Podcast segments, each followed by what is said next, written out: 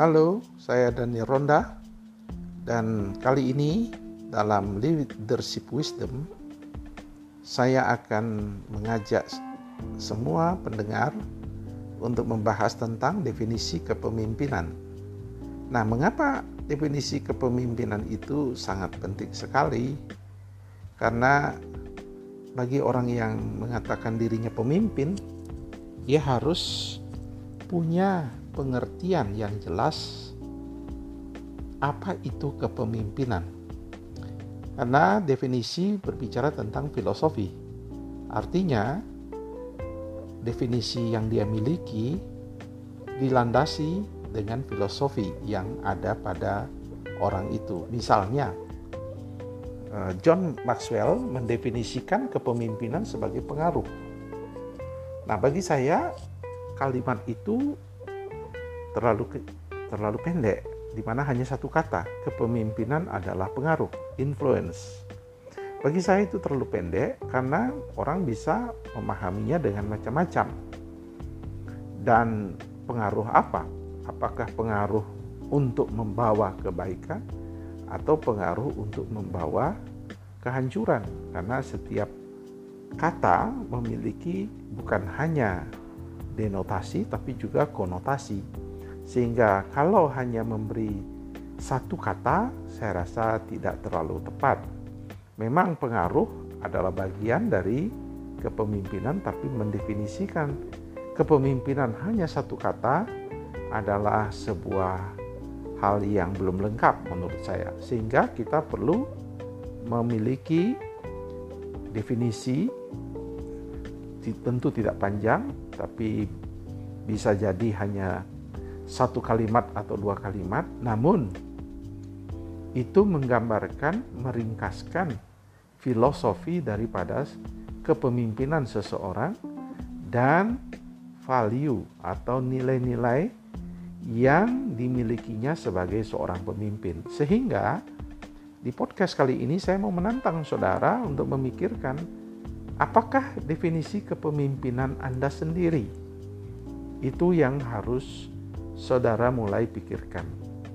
Nah, saya sendiri ketika ditanya, tentu saya uh, senang memiliki teori kepemimpinan yang ditulis oleh Henry Blackaby.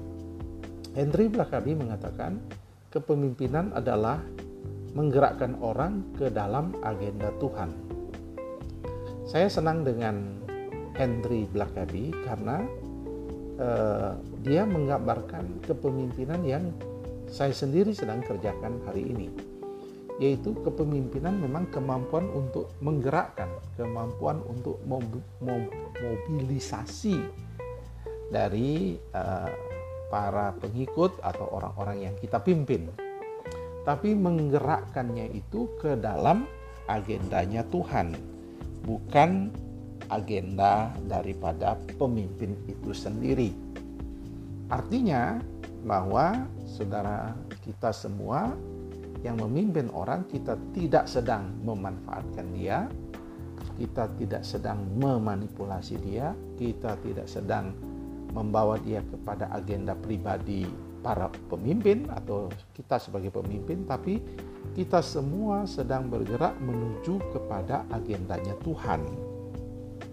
Itulah yang membuat uh, kepemimpinan itu berhasil. Jadi misalnya, ketika seorang ditanya, apakah definisi kepemimpinan Anda? Uh, anda ingin menggerakkan orang supaya orang-orang itu mengalami sejahtera Nah, banyak orang berjanji menjadi pemimpin membawa kesejahteraan, tapi sering kali fokusnya kepada kesejahteraan materi. Atau ada juga organisasi yang hanya menjadikan pengikutnya hanya sebuah mesin atau potensi yang hanya digunakan untuk kepentingan daripada organisasi itu. Nah, kita tidak. Kita pemimpin Kristen harus menjadikan semua orang yang mengikut kita menemukan rencana Tuhan di dalam organisasi kita dan bersama-sama bergerak ke dalam agendanya Tuhan. Misalnya saya sekarang memimpin sebagai pimpinan gereja atau sinode, maka agendanya adalah bagaimana para gembala ini menemukan apa yang Tuhan rencanakan dalam hidup dia.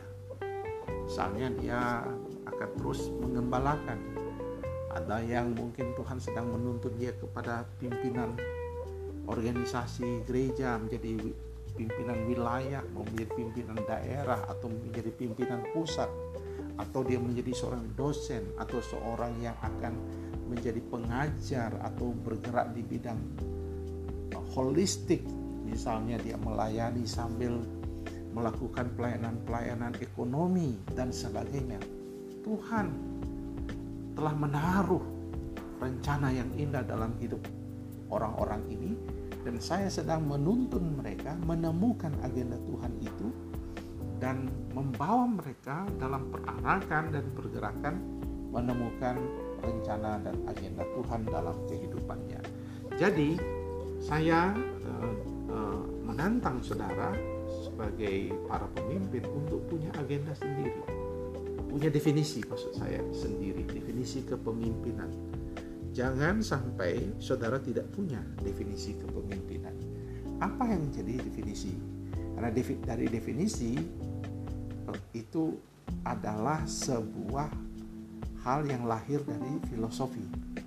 Dan itu yang menentukan gerak kepemimpinan kita. Jadi, sebelum kita belajar kepemimpinan yang lain, pastikan Anda punya definisi kepemimpinan yang benar, merenungkannya, memikirkannya, dan dapat uh, kemudian menjadi pegangan dalam memimpin organisasi dan memimpin gereja ataupun nanti dipercayakan dalam kepemimpinan-kepemimpinan lainnya.